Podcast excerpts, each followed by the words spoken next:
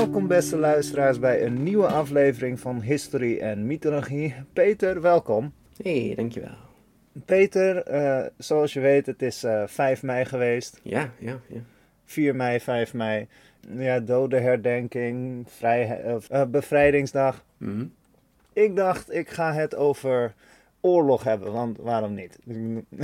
Ehm, hoort ook bij de geschiedenis helaas. Mm, ja, er is veel oorlog gebeurd in de Ja. geschiedenis, ja. Eh, er, is, er is heel veel oorlog gebeurd in de geschiedenis. Niet een van de meest productieve dingen die we doen, maar ja, ehm, ja Mhm. eh, we doen wat, eh, wat we het beste doen en dat is elkaar het leven zuur maken. ja.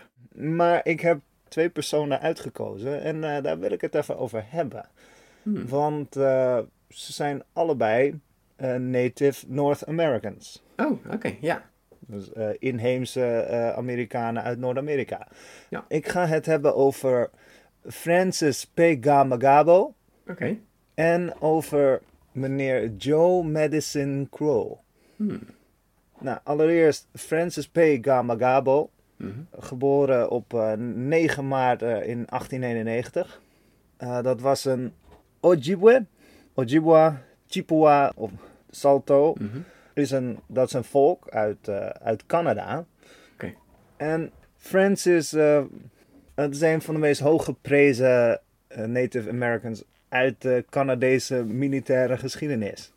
Mm. En waarom hij zo bekend was, is omdat hij de belangrijkste en de meest effectieve sluipschutter was uit de Eerste Wereldoorlog. Francis eh, werd dus eh, geboren in de Shawanaga First Nation Reserve. Hmm. En dat ligt in Nobel, Ontario. Zijn echte naam, of zijn naam in het Ojibwe, eh Binaswi. En dat betekent the wind that blows off. Ah. De wind die er vanaf waait. Mhm, ja, ze, eh, inheemse Amerikanen hebben echt wel hele mooie, hele mooie namen vaak. Ja. Ook heel beschrijvend of zo. Ja, hè, zoiets, ja. Francis, die was eh, drie jaar oud toen zijn vader stierf. En zijn moeder, die liet hem achter eh, om naar haar huis, eh, of om naar haar thuis terug te gaan. Dus Hmm. werd hij, eh, hij werd gelukkig wel opgevangen. Hij werd opgevoed door een van de, de, ja, de, de ouderen van zijn volk, meneer Noah Nebimaniquat. Mhm. En hij groeide dus op in Shawanaga. Ja. En daar ehm, leerde hij verschillende, ja, verschillende vaardigheden die je als Ojibwe moet doen. Zoals eh, jagen, vissen en medicijnen. Dat doen ze ook. Oh, nice. Dat ja, kunnen ja. we ook. Ja. We kun- We kunnen ook mensen niet doodmaken. We kunnen ze ook helen. Maar dat, dat is ook wel interessant. Eh, Francis die was christelijk of katholiek. Ja. Maar hij had ook een, een, eh, een Anishinaabe. Anishinaabe. Mhm. Dat is een andere groep volken eh, van eh, Canadese Native Americans. Die een, een soort van hun eh, religie geloof hebben. Dus daar, was, daar had hij een mi- mix tussen, zeg maar. Dus hij was spiritueel, ja, vrij geoefend. Mhm. Maar daar komen we niet voor. Nee. Ehm, We komen voor de oorlog. nee, nee hij, toen hij 12 werd, verliet hij school om een, een, een brandweerman op zee te worden. Oh, Ja, oké. super cool, super leuk, maar daar kwamen we niet voor, zoals ik al zei. De Eerste Wereldoorlog brak uit, Peter. Ja, ja. Daar, daar hebben we nog nooit eh, van gehoord. Nee. Daar heb ik het nog niet over gehad. Nou, Pega Magabo, hij was nu 25, die bood zich aan als vrijwilliger. Hm. Maar toen kon dat niet. Want eh, ja, eh, minderheden en ja, dus ook eh, Native Americans en First Nation soldiers, Mhm, dus die werden niet, eh, ja, die werden in ieder geval eh, gediscrimineerd, maar die werden dus ook eigenlijk niet toegelaten. Superleuk. Maar Oké, dat is wel eigenlijk gek, want je wil natuurlijk zoveel mogelijk mensen, toch? Ja, maar niet als ze minder waardig zijn, Peter. Nee, nee. Ja, nee, oké. Ik bedoel, er zijn ook geen leuke verhalen over Surinaamse soldaten volgens mij, want daar werd ook tegen gediscrimineerd. Ja, Eh, ja, toen wij ja. die wilden gaan recruteren voor de Tweede Wereldoorlog. Mm. Ga ik het ook over hebben vandaag. Maar ehm, hij werd gelegerd in de 23e, of in het 23rd Canadian Regiment, de Northern Pioneers. Mhm. En hij werd gelegerd bij de CFB Valcartier. Oftewel, de Canadian Forces Base in Valcartier. Valcartier, Valcartier, het is Canada. Ja. Ook ja. dat kan ik helaas niet. maar hij, eh, hij maakte dus zijn, zijn tent, eh, zijn legertent, maakte hij mooi met allerlei traditionele symbolen, zoals caribou. Ja, nice. En dat, is, dat was het symbool van zijn clan. Mm. En in oktober 1914 werd hij eh, ingezet over zee. Met eh, het eerste Canadese infanteriebataljon van de eerste Canadese divisie. En hij moest vechten in Europa. Oké. En zijn, zijn naam was Peggy, van Pega Magabo. Nou ja, ja, ja. Dus, ja, op zich zie ik daar niks mis mee, want dat is wat soldaten doen. Ja. Maar Weet je, ik zou waarschijnlijk Carrie heten. Ja, bij mij wordt het al gauw peet. In eh, 1915 vocht Pega Magabo in de Slag om de IJzer, of de tweede Slag om de IJzer, of, de, of Ypres, maakt niet uit hoe je het noemt, heeft ook verschillende namen. En de Duitsers, superleuk, superleuke uitvinding, die gebruikten chloorgas. Oeh, ja, inderdaad. Dus dat was de eerste keer dat ze dat deden. Yay, superleuk. En hier eh, begon Francis zich te, te bewijzen als sniper, als sluipschutter. En ook als verkenner. Oké, oh wauw, ja. En hij, hij werd eh, gepromoveerd tot Lance Corporal. Dat is, eh, ja, in het Nederlands hebben we andere rangen, maar het is een Ja, is niet gewoon landscorporaal, ja? landscorporaal. Ja, het, hangt er, het is ook anders geworden. Mm, weet je? Je, je hebt nu ook andere rangen. Dat is ook veranderd. Ja, ja dingen veranderen. Ja. Ja.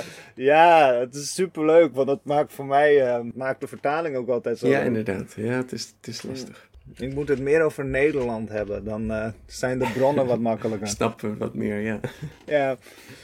En dan nog, dan, dan gaan we het over Frankrijk hebben of zo, omdat die binnenvallen. Ja. En dan moet je dat weer vertalen.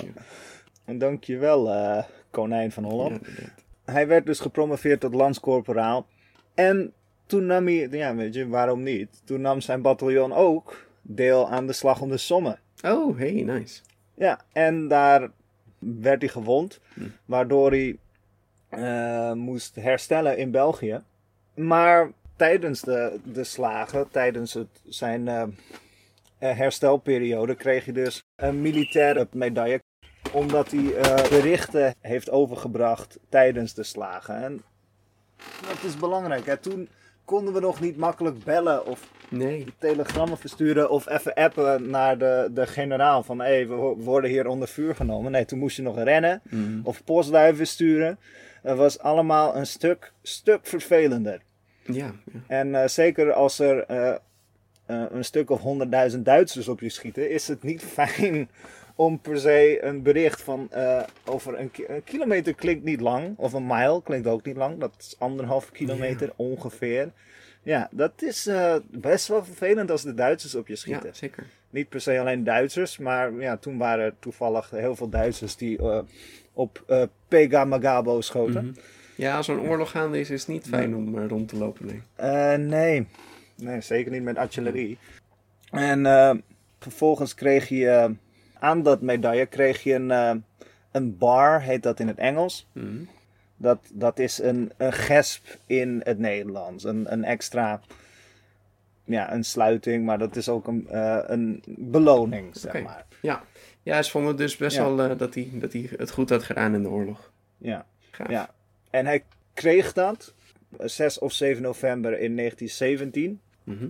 Want hij had gevochten in de, eh, de tweede eh, slag om Passchendaele. En dat was de leukste slag van de oorlog. Want dat was echt een, een, ja, een teringbende.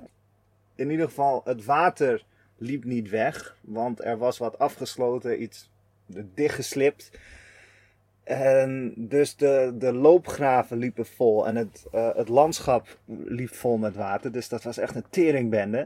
Dus dat was super leuk om in te vechten. En iedereen ging dood aan de kou. Want het is november, Mhm. toen nog. Mhm. Weet je, toen, zoals in de vorige aflevering, wat was sneeuw? Nou, dat wisten ze toen nog wel. Je vroor dus dood. Je werd doodgeschoten door Duitsers of door Britten, eh, als het een Duitser was. Maar het was echt gewoon één grote teringbende om in te liggen. Mhm. Weet je, dus eh, hij eh, heeft eh, samen met zijn eenheid heeft hij een aanval uitgevoerd. Eh, en nu werd hij echt een corporaal. Mhm. En hij zorgde voor een link tussen, tussen eenheden, zeg maar, van, van de flank van het bataljon. Hm. En toen ze de weg kwijtraakten, ja, je zou zeggen dat, dat het makkelijk is, maar als je helemaal onder de modder zit en je wordt beschoten, is het niet heel makkelijk om te weten waar je heen moet. Nee. Eh, dus hij leidde ze rond, zeg maar. Hij zorgde ervoor dat ze naar hun, hun plek in de linie ja, aankwamen. Hm. En ehm, in Scarp, de, de slag om Scarp, Mhm. of de, de slag van de Scarp, daar ehm, eh, vocht hij een eh, Duitse aanval terug. En zijn, zijn compagnie die was omsingeld en ze hadden geen munitie meer. Dat is niet, niet fijn. Ja. Nou ja, ze, ze, ze hadden eh, een risico dat ze werden omsingeld. Ze waren nog niet omsingeld, maar zaten bijna in de val. Maar Pega Magabo, de MVP, hij rende dus door eh, de, de teringzooi dat eh, No Man's Land is. Rende die naar vriendelijke posities. Haalde munitie voor zijn eenheid. En rende weer terug. Wauw. En ja, vocht de aanval terug. Jeetje, dus ja, Hij heeft dan eh, Ja. veel gedaan in die oorlog, zeg. Jeetje. Ja, in, in november eindigde de oorlog. En in 1919 mocht hij terug naar Canada. Bijna de hele, hele oorlog doorgemaakt dus. Mhm, Ja. Weet je, dat, dat, niet veel mensen kunnen dat zeggen. Over beide oorlogen eigenlijk. Nee, inderdaad. Ja. Maar hij, ehm, hij was dus sluipschutter. En er, er is eh, opgeschreven dat hij 378 Duitsers heeft eh, nou ja, eh, geliquideerd. Mhm. En dat hij er 300 heeft gevangen genomen. Oké. Ja. Dus ja, sluipschutters hebben vaak een. Ja, die, die, die schieten vaak wat meer ehm, eh, soldaten dood, want dat is hun taak. Ja. En je, dat, dat is gewoon zo. Maar hij, ehm, hij kreeg de 1914-15 eh ster, een, een Britse medaille, Mhm. en eh, de Victory Medal. Wauw. Dat is, een, eh, dat is ook een Britse medaille. Maar hier eindigt zijn verhaal niet. Want hij heeft ook nog een politiek leven. Oh, gaaf. En dat is ook wel belangrijk om te vertellen. Want ehm, mensen, of eh, inheemse Amerikanen überhaupt, maar ook in Canada, die werden echt ja, gediscrimineerd. Maar ook, het, het was bijna, bijna, het was Ja. gewoon genocide wat daar werd gepleegd. Ja, eh, het was inderdaad, de kinderen werden weggehaald bij de gezinnen en werden Ja. dan in goede scholen gezet, zodat ze goede Ja. burgers werden. Ja, gewoon afgesloten van je eigen cultuur. Ja, Ja, maar ook cultuur werd gewoon onderdrukt. Ja, je, zeker. Er, wa- er waren, het, het heet een potlash en ik kan niet nu beschrijven wat dat precies is. Mm, Het is een feest, een, een bijeenkomst van dus inheemse Amerikanen mhm. eh, uit Canada. Ja. En dat, dat is hun cultuur, dat is wat zij doen. Alleen dat mocht niet, dat, werd, dat was outlaw, dat ja, was ja. verboden. Waar slaat dat op? Ja, en ze mochten ook niet eh, hun eigen taal meer spreken. Nee, het was echt, eh Nee. ja, het was vreselijk. dat was niet Ja, goed. en ja, ja het, ik probeer zo min mogelijk te beschouwen, maar het was gewoon kut. Ja, ja. zeker. zeker. Ja. Maar hij, ehm, hij kwam dus terug en hij eh, bleef, bleef eigenlijk soldaat Hmm. m- in de Canadian Militia. Dus dat was voor de, ja, de, de verdediging van Canada. Ja. Eh, ook van de Northern Pioneers. Hmm. Maar als niet permanent actief. Maar hij, hij was er nog steeds. Hij werd, ehm, eh, net zoals zijn vader en zijn grootvader, werd hij eh, chief van de Perry Island Band. Mhm. En toen hij dat was, ehm, hij schreef een, een brief. Ehm, hij, hij, hij vroeg voor bepaalde individuen en mensen van eh, mixed race dat die niet hoefden te dienen, zeg maar. Oké. Hij werd opnieuw eh, her, hij werd herkozen in 1924. Mhm.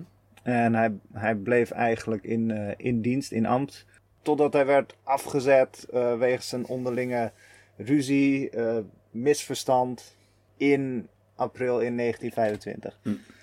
Maar voordat hij kon worden afgezet, trad hij af. Oké. Dat ja. kan ook. ja, ja. Ja, Je kan me niet ontslaan. Ik neem ontslag. nee. ja.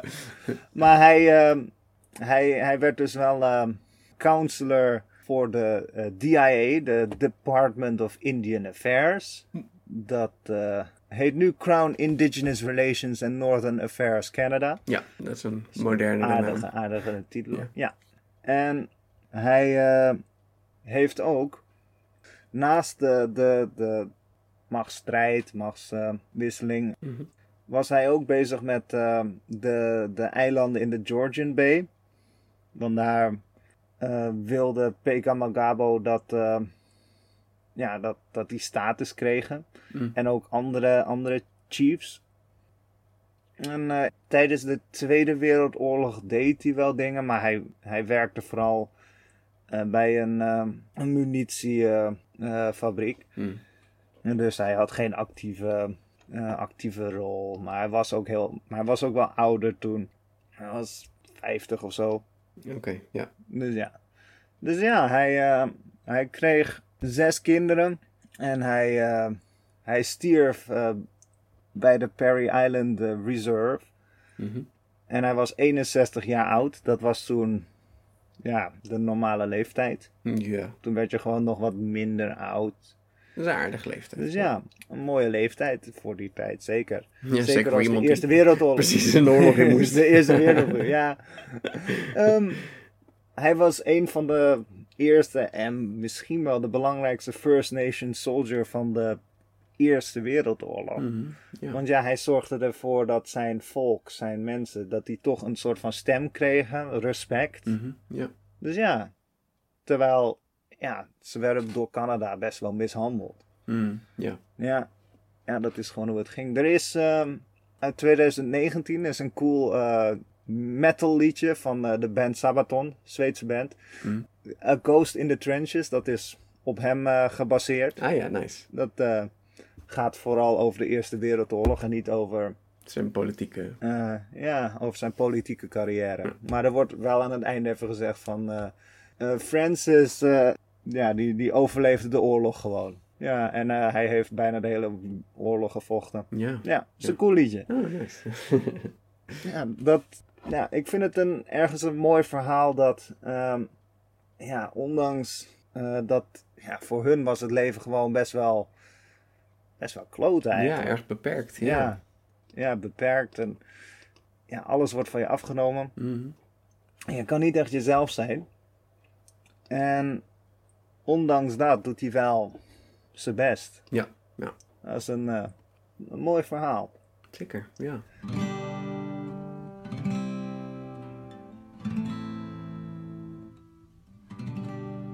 En dan gaan we nu door naar een andere Native American. En dit is een eh, Amerikaan. Een Native American uit de Verenigde Staten. Mhm. Eh, Joseph Madison Crow. Joseph Madison Crow. ja, Joe Madison Crow. Lekker. Eh, hij is geboren in 1913, dus net voor de Eerste Wereldoorlog, Mm. eh, op eh, 27 oktober. En als een baby heeft hij meegevochten. Eh, nee, helaas Nee, het is geen mythologie Maar hij- aflevering. Hij- nee, het is geen mythologie aflevering. Maar deze guy is wel awesome, Peter. Oké, oké. Net, zo, net zoals Pega Magabo. Maar deze, ja, eh, wacht maar. Hij krijgt een hele coole titel. Is goed. goed. Hij is geboren in 1913 in eh, de, de Crow Indian Reservation. Mhm. Dus het reservaat voor Crow Native Americans. Ja, de kraai is, eh, is, is, een, is een belangrijk dier voor hun. Ja, We gaan ooit wat de, Ja. de mythe van de Mhm. kraai vertellen. ja, geschiedenis van de kraai. Want die dingen zijn zo gehekeld. ja, het is, Ja, het is ja. eigenlijk zielig, hè? Want ze, ze hebben gewoon niet zulke mooie zang en ze zijn een beetje, Nee, een beetje zwart, een beetje Sluw. Ja. slim. Ja. Eigenlijk zijn het hele Ja. schattige beestjes. Ja, ik moet eigenlijk een, eh, een aflevering maken voor kraaien, net zoals ik er voor Rad heb gedaan. Dat is een Ja, goeie. precies, dat ja. ik doen. ja. Oh, de, de Crow, dat, die heette trouwens Absaroka. Ah, nogmaals, ik zeg het waarschijnlijk verkeerd. Mhm. Het spijt me. Tja, we hebben ja, een audiomedium. Ja, waarom hebben we dat toch? Ja, ja, makkelijk om het op te. Maar, Ja, weet je, dan kan je ook de, de, de, de, de, de inheemse manier van schrijven kan je doen. Maar, ugh, We inserten wel een clip van een native. Upsaloga is how it's pronounced. Upsaloga. Maar Joe Madison Crow, die werd dus geboren in eh, het eh, reservaat voor de Crow eh, Nation. Mhm. En dat lag bij Montana. Of in Montana. En ehm, zijn, eh, zijn moeder was eh, Amy Yellowtail en zijn vader was Leo Madison Crow. Mhm. En het eh, verwantschapssysteem van de, van de Crow is dat, zijn, dat hij behoorde aan zijn moeders volk, zeg maar. Ja, oké. Dus het was eh, maternaal. Ja. En hij kreeg dus de sociale status van die, ja, die, die tak. Dus alles eh, werd eh, aan hem gegeven van zijn moeders familie. En meneer Leo, meneer, meneer Madison Crow, ja, de, de vader van Joe. Nou, nou, dat was best wel een. eh, ja, hij was een chief, hij was best wel gerespecteerd. En hij eh, was voor Joe wat een, een krijger of wat een leider zou moeten zijn, zeg maar. Echt zijn eh, voorbeeld, zeg maar. Ja, en ja, ik vind de naam wel grappig. Zijn de, de, de stiefgrootvader van Joe, Mhm.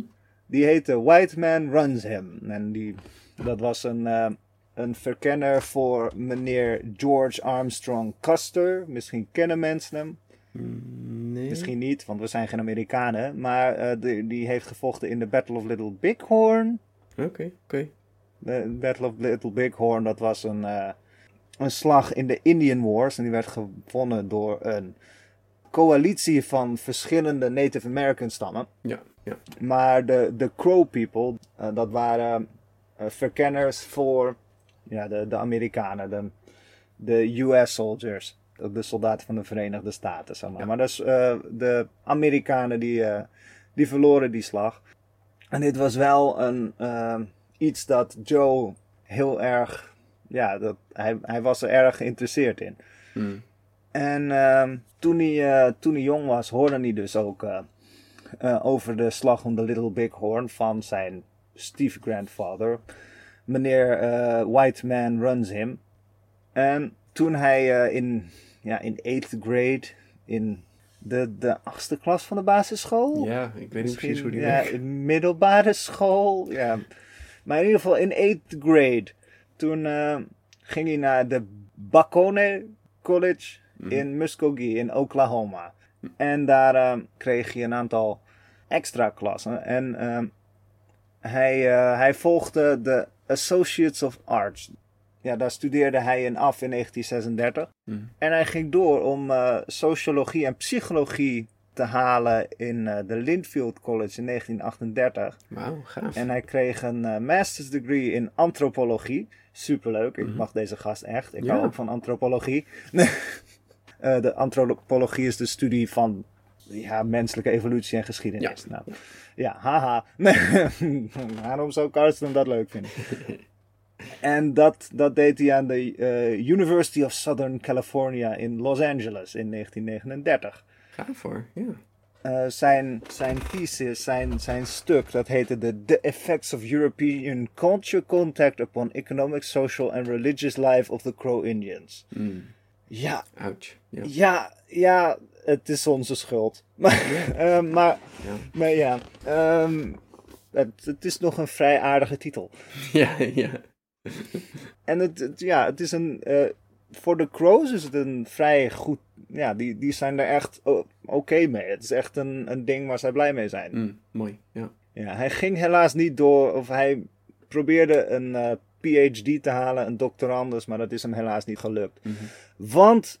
Eh, de Tweede Wereldoorlog? Eh, ja, in 1941. ja.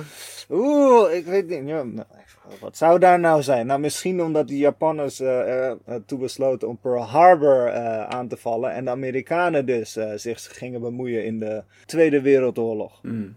Hij gaf nog een jaar ehm, eh, les in de Chemawa Indian School. Mhm. Dat eh, is eh, gevestigd in de Salem, Oregon. Ah ja. En toen nam hij een eh, industriebaan in eh, de scheepswerven van Bremerton in Washington. En Hm. dat was in 1942. Maar hij werkte daar dus. Ehm, en toen besloot hij in 1943 om het eh, leger van de Verenigde Staten. Het, om daartoe te treden. En dan echt het, het leger. Zeg maar niet defensie, maar daadwerkelijk de, de landmacht. Ja, oké. En hij werd een verkenner in de 100, 103rd Infantry Division, de 103e Infanteriedivisie van de Verenigde Staten. En hij trok ten oorlog in de Tweede Wereldoorlog. Hm. En dit, de- deze guy was gaaf, Peter. Als hij ten strijde trok, eh, had hij warpaint. Oh, nice. Oorlogsverven. Hell yeah. Oké, hij, hij droeg dus oorlogsverf, dat droeg hij onder zijn uniform. Mhm. En onder, onder zijn helm had hij een, een veer, een heilige veer van een Yellow Painted Eagle. Mhm. Die had hij gekregen van een, van een Sundance Medicine Man. Dus een speciale heilige voor de Crow People. Ja. Ja, dat had hij dus allemaal. Hij had de veer, hij had oorlogsverf.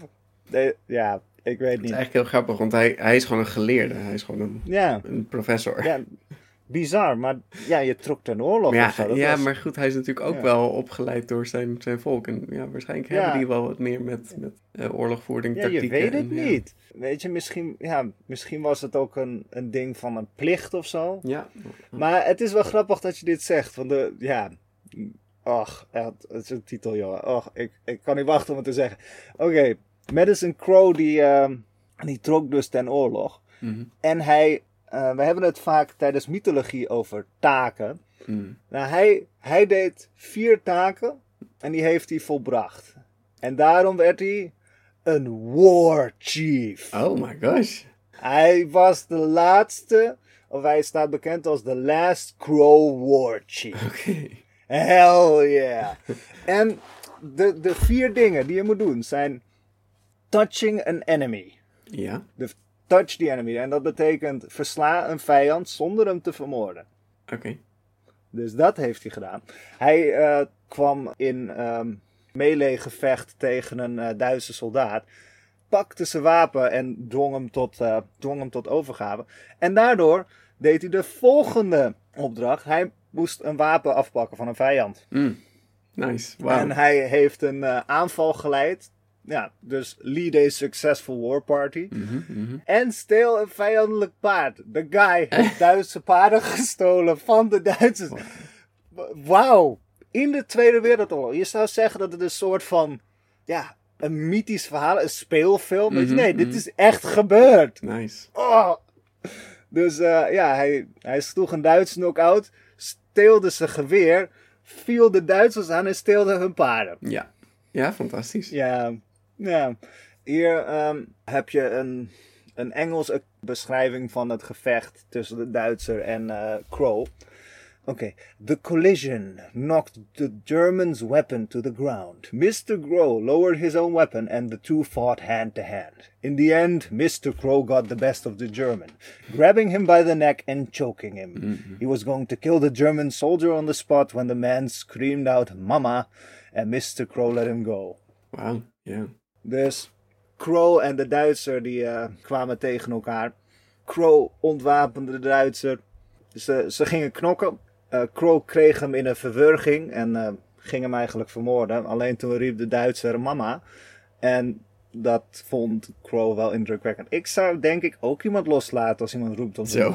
Iemand vermoorden is dan best wel een grote stap. Ja, het, ja, zeker als je het hand-to-hand doet. ja.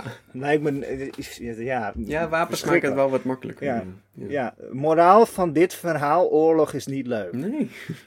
Zowel emotioneel als economisch. Het Mhm. is gewoon not a good time. Ja. Maar goed, hij kreeg wel een epic titel, dus eh, win-win, I guess. Maar, eh, ehm, maar hij ehm, heeft dus 50 paarden gestolen van de SS. En dit, dit is natuurlijk de, de absolute flex die je moet maken als je paarden, paarden steelt van de, de SS. Hij, hij zong een, een, een traditioneel eerlied van The Crow. Mm. Dus terwijl hij wegreed, zong hij zijn eigen, zijn eigen eh, soundtrack, zeg maar.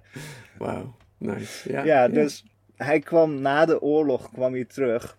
En hij, hij vertelde natuurlijk verhalen aan zijn volk over zijn, over zijn daden, over wat hij heeft gedaan. En daardoor eh, werd eh, de, de ouderen van de Crow tribe, van de Crow stam, die besloot, eh, die, die hoorden dat. En die zeiden van ja, je hebt alle taken voldaan om een war chief te zijn. Gaaf, ja. En omdat hij zo slim is, kan ik me ook wel voorstellen dat hij zo was van...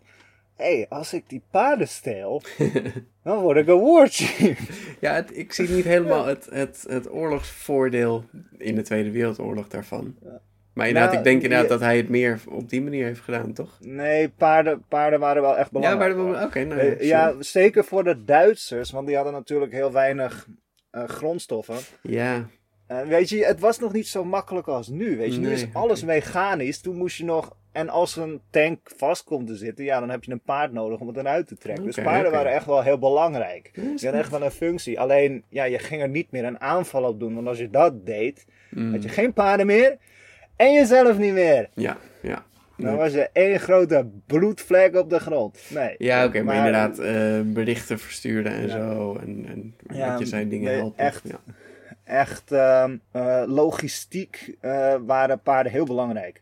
Maar vooral ook omdat hoe langer Duitsland vocht, hoe minder olie ze hadden, hoe minder grondstoffen. Dus dan heb je aan paarden heb je meer. Want eigenlijk, ja, die gaan op een gegeven moment dood. Mhm. Maar ja, ze, het enige wat je hoeft te doen is water verzorgen en een veld om, eh, om te grazen. En dan, ja, ze, ze kosten heel veel om te onderhouden, zeker. Maar niet zoveel als een tank. Ja, ja, nee, zeker. Dus ja, ze, er- waren echt wel belangrijk voor de Duitsers. Maar ja, voor de Crow is het dus ook echt een, ja, echt een, een, een, een geestelijk, een heilig ding. Ja, Ja, en dat, eh, dat tijdens de dodelijkste oorlog van ja, de mensheid werd eh, meneer Madison Crow gewoon een war chief. Dat, ja, dat vind ik een, ja, een hele mooie flex ergens.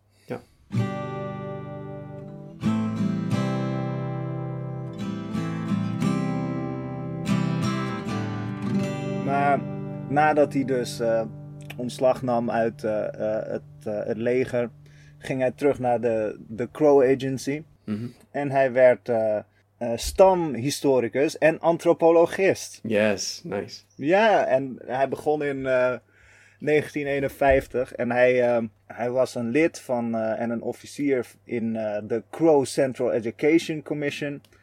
En heeft eigenlijk gewerkt vanaf 1972 tot, ja, totdat hij stopte Mhm. wordt niet echt beschreven.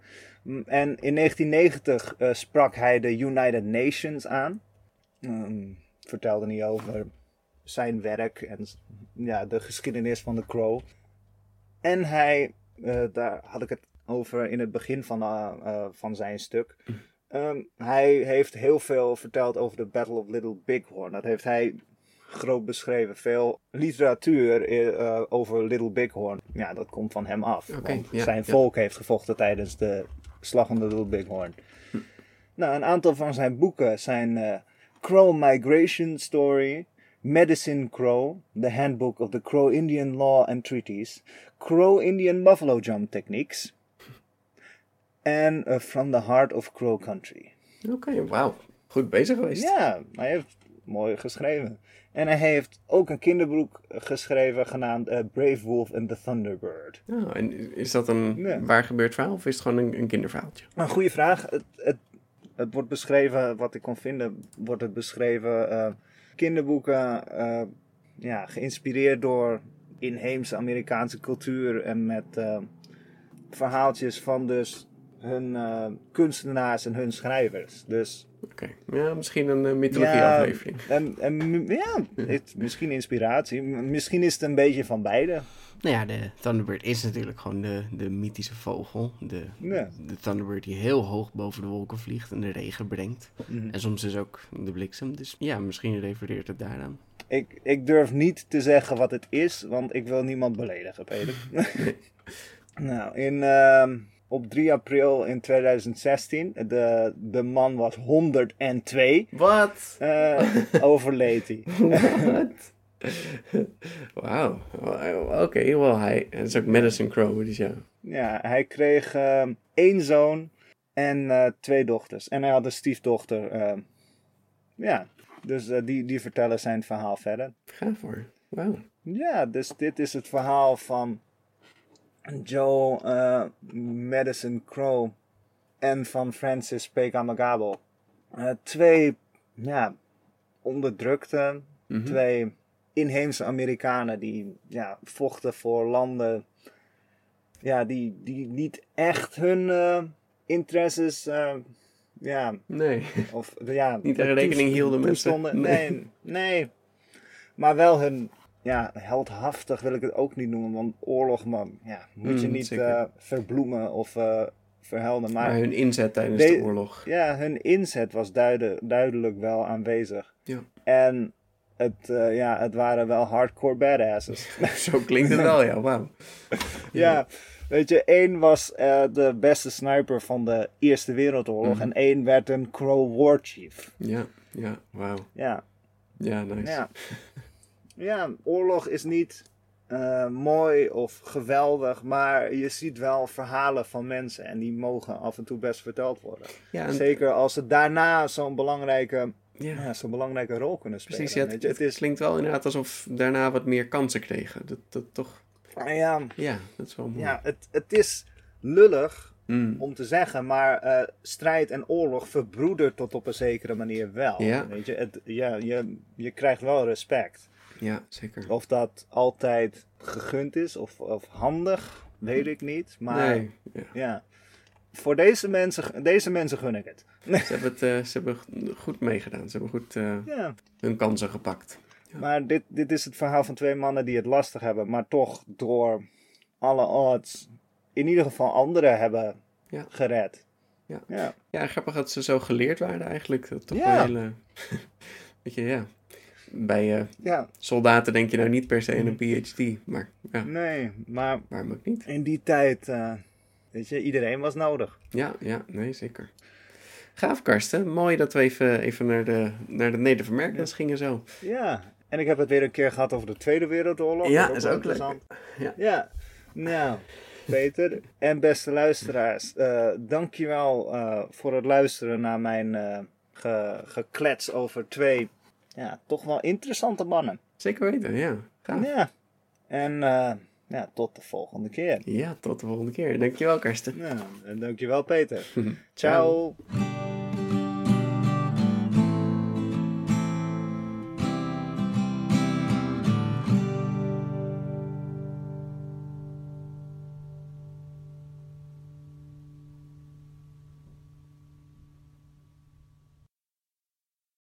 When you need mealtime inspiration, it's worth shopping Kroger, where you'll find over 30,000 mouthwatering choices that excite your inner foodie. And no matter what tasty choice you make, you'll enjoy our everyday low prices, plus extra ways to save, like digital coupons worth over $600 each week. You can also save up to $1 off per gallon at the pump with fuel points. More savings and more inspiring flavors make shopping Kroger worth it every time. Kroger, fresh for everyone. Fuel restrictions apply.